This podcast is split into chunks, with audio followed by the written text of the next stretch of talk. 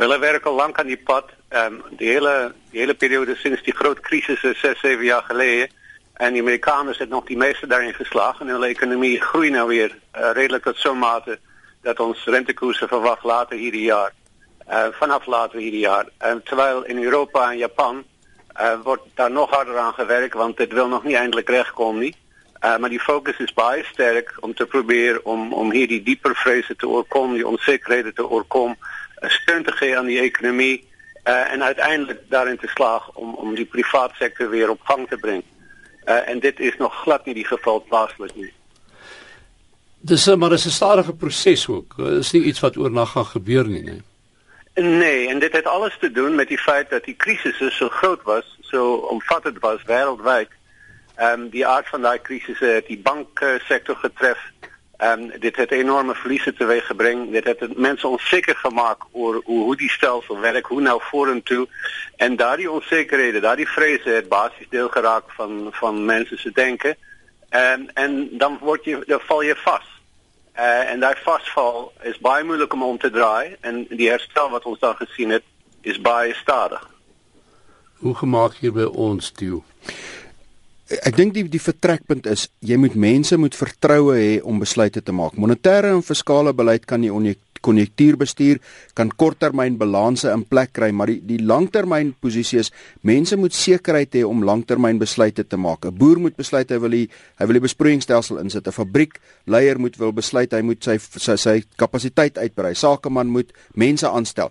En as jy nie daai vertroue het om om om te om in die toekoms te, te investeer nie, dan gaan dit nie gebeur nie. So basies verwag jy moet jy in 'n posisie kom waar mense bereid is om finansiële risiko te vat, om 'n belegging te maak, om mense aan te stel, om kapitaal uit te sit in 'n raamwerk wat die persoon redelik sekerheid het oor die toekoms.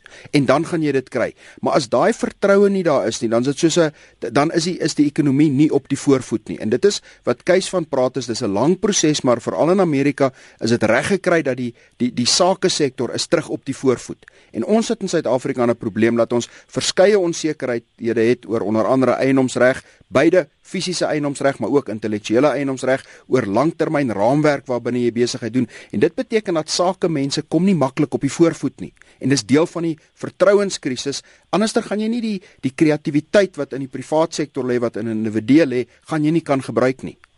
Gys dis 'n dis 'n soos ek sê dis 'n dis 'n lang proses. Uh, en en dan moet bepaalde goed gebeur as 'n mens daai vertroue uh, wil omswaai as ons 'n in die land.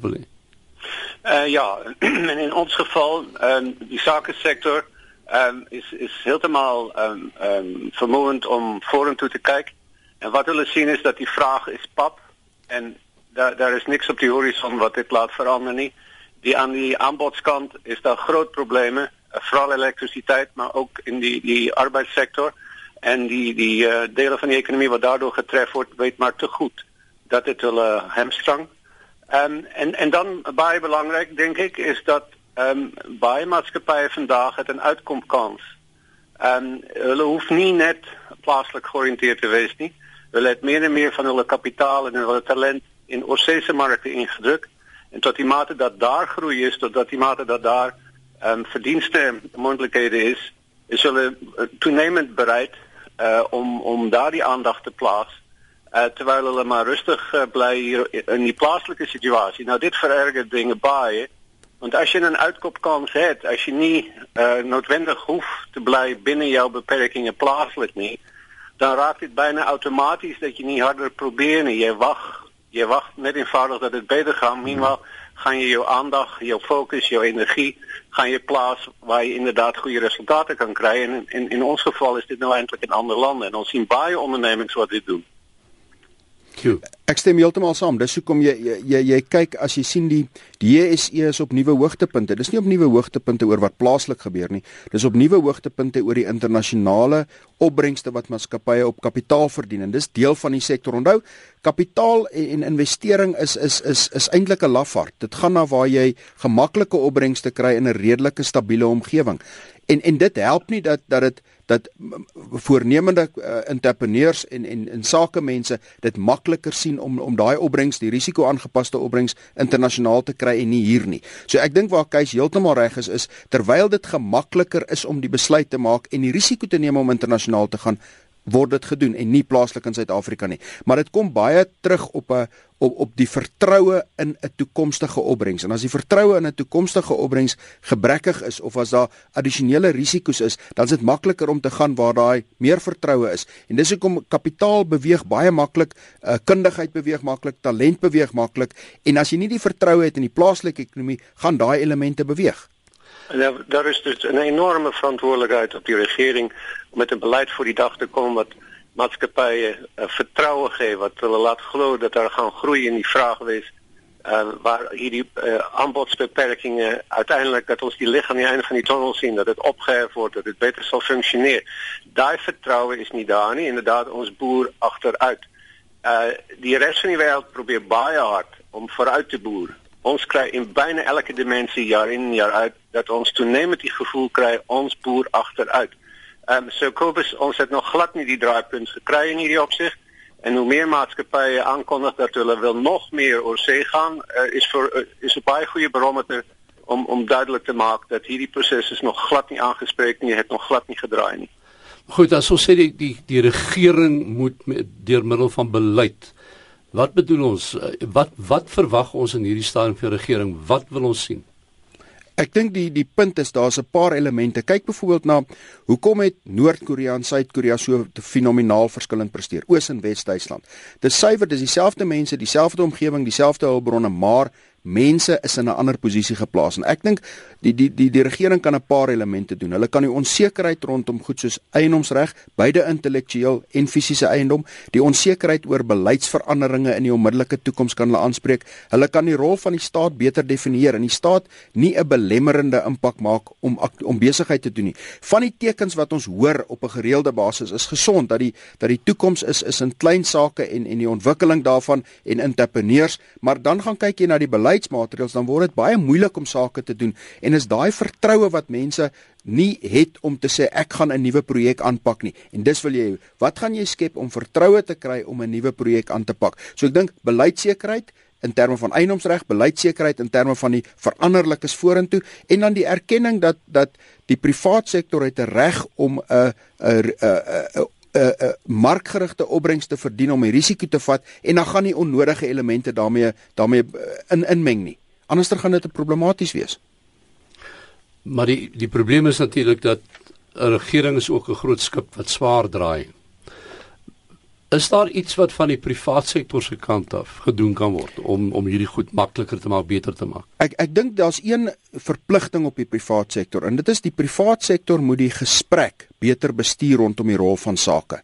En daar bedoel ek die privaat sektor moet 'n sterker posisie neem om te sê besighede skep werk, besighede skep geleentheid, besighede skep loopbane vir mense.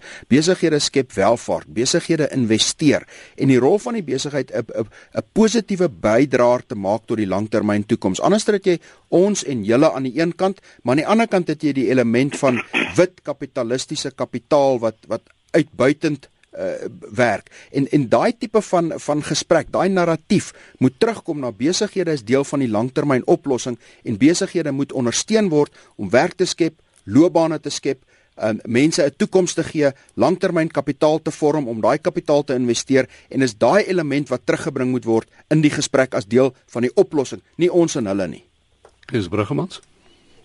Ehm um, ek dink die sake uh, wêreld het oor die jare baie mooi verduidelik um, aan die regeringsmense en um, wat die, regte pad is om te stap en hulle wag uh, op daai op daai reaksie.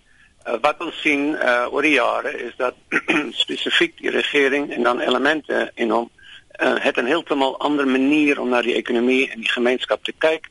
Het groot ideale wat hulle wil uitleef. Ehm en die die gevolg daarvan is dat ons kry beleide ehm wat haaks staan op op uh, 'n goeie ekonomiese vertroue 'n uh, goeie ekonomiese omgewing. Dit skep nie vertroue nie. Ehm um, sakevertroue is die groot vliegwiel aan die vraagkant van die ekonomie.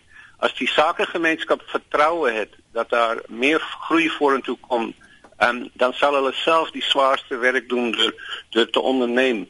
Ehm um, die die ding wat die regering die beste kan doen is om aan die aanbodskant die goed reg te maak wat verkeerd is.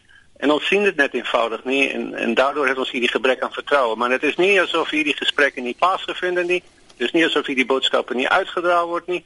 Ehm um, dit is net uh, my observasie dat die regering in in baie opsigte 'n ander filosofie najag en uh, dit val dus dan vas. En die sake sektor sien dit en dan kry ons die soort van stagnasie wat ons nou al geruime tyd het. Kyk, uh, my uh, die opinie rondom die rol van die van die owerheid is amper asof jy teruggaan dat groei is 'n keuse, ekonomiese groei is 'n keuse.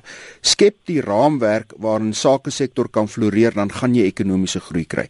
Maar skep 'n raamwerk van onsekerheid en dis waar ek heeltemal met Kees saamstem, dan begin jy groot planne kry wat nie noodwendig die die die die privaat sektor insluit nie en daai planne histories werk nie regtig nie. As jy en spesifiek in Suid-Afrika het ons 'n geskiedenis van die owerheid wat dit sukkel om kapitaal aan te wend, die owerheid wat sukkel om besighede te bestuur. En die owerheid se rol in die ekonomie is gewoonlik nie positief nie. Dit dit kos die belastingbetaler 'n hoop geld. En, en waar keus reg is, is as die as die geleentheid reg is, sal die privaat sektor die risiko vat. Ehm um, as iemand wil Londen toe vlieg, iemand sal vir hom 'n vliegtyg maak as daar 'n vraag is daarvoor. Iemand sal die lugredery bou. Hoekom moet die owerheid die lugredery uh besit. En is daai klas van elemente wat ek dink verkeerd is waar waar ek dink waar die waar, waar die uitdaging vir die privaat sektor is die die gesprek en die denkrigting, die ideologiese denkrigting binne die regering is in baie gevalle so ver verwyderd van die van die ideologiese denkrigting van ekonomie wat groei, van privaat sektor ekonomie wat vorentoe beweeg. En ek dink alhoewel eh, die die die die, die privaat sektor uit sy pad uit gaan om in baie gevalle met die owerheid te praat, kom daai boodskap nie as jy net gaan kyk na die huidige gesprekke en die ideologiese verskille wat ons sien byvoorbeeld in die parlementêre gesprekke, dan beteken dit daar's 'n duidelike verskil in uitgangspunt. Daar's 'n verskil in wat maak ekonomiese groei en en en die rol van die van die privaat sektor sal moet wees om daai gesprek aan mekaar te vat na 'n meer markgerigte gesprek waar jy waar jy die privaat sektor betrokke kry om welvaart te skep en nie 'n tipe van 'n staatsstruktuur of 'n staatsplan om hierdie te probeer bewerkstellig nie. Ongelukkig in Suid-Afrika kry ons nie lewering van daai planne reg nie.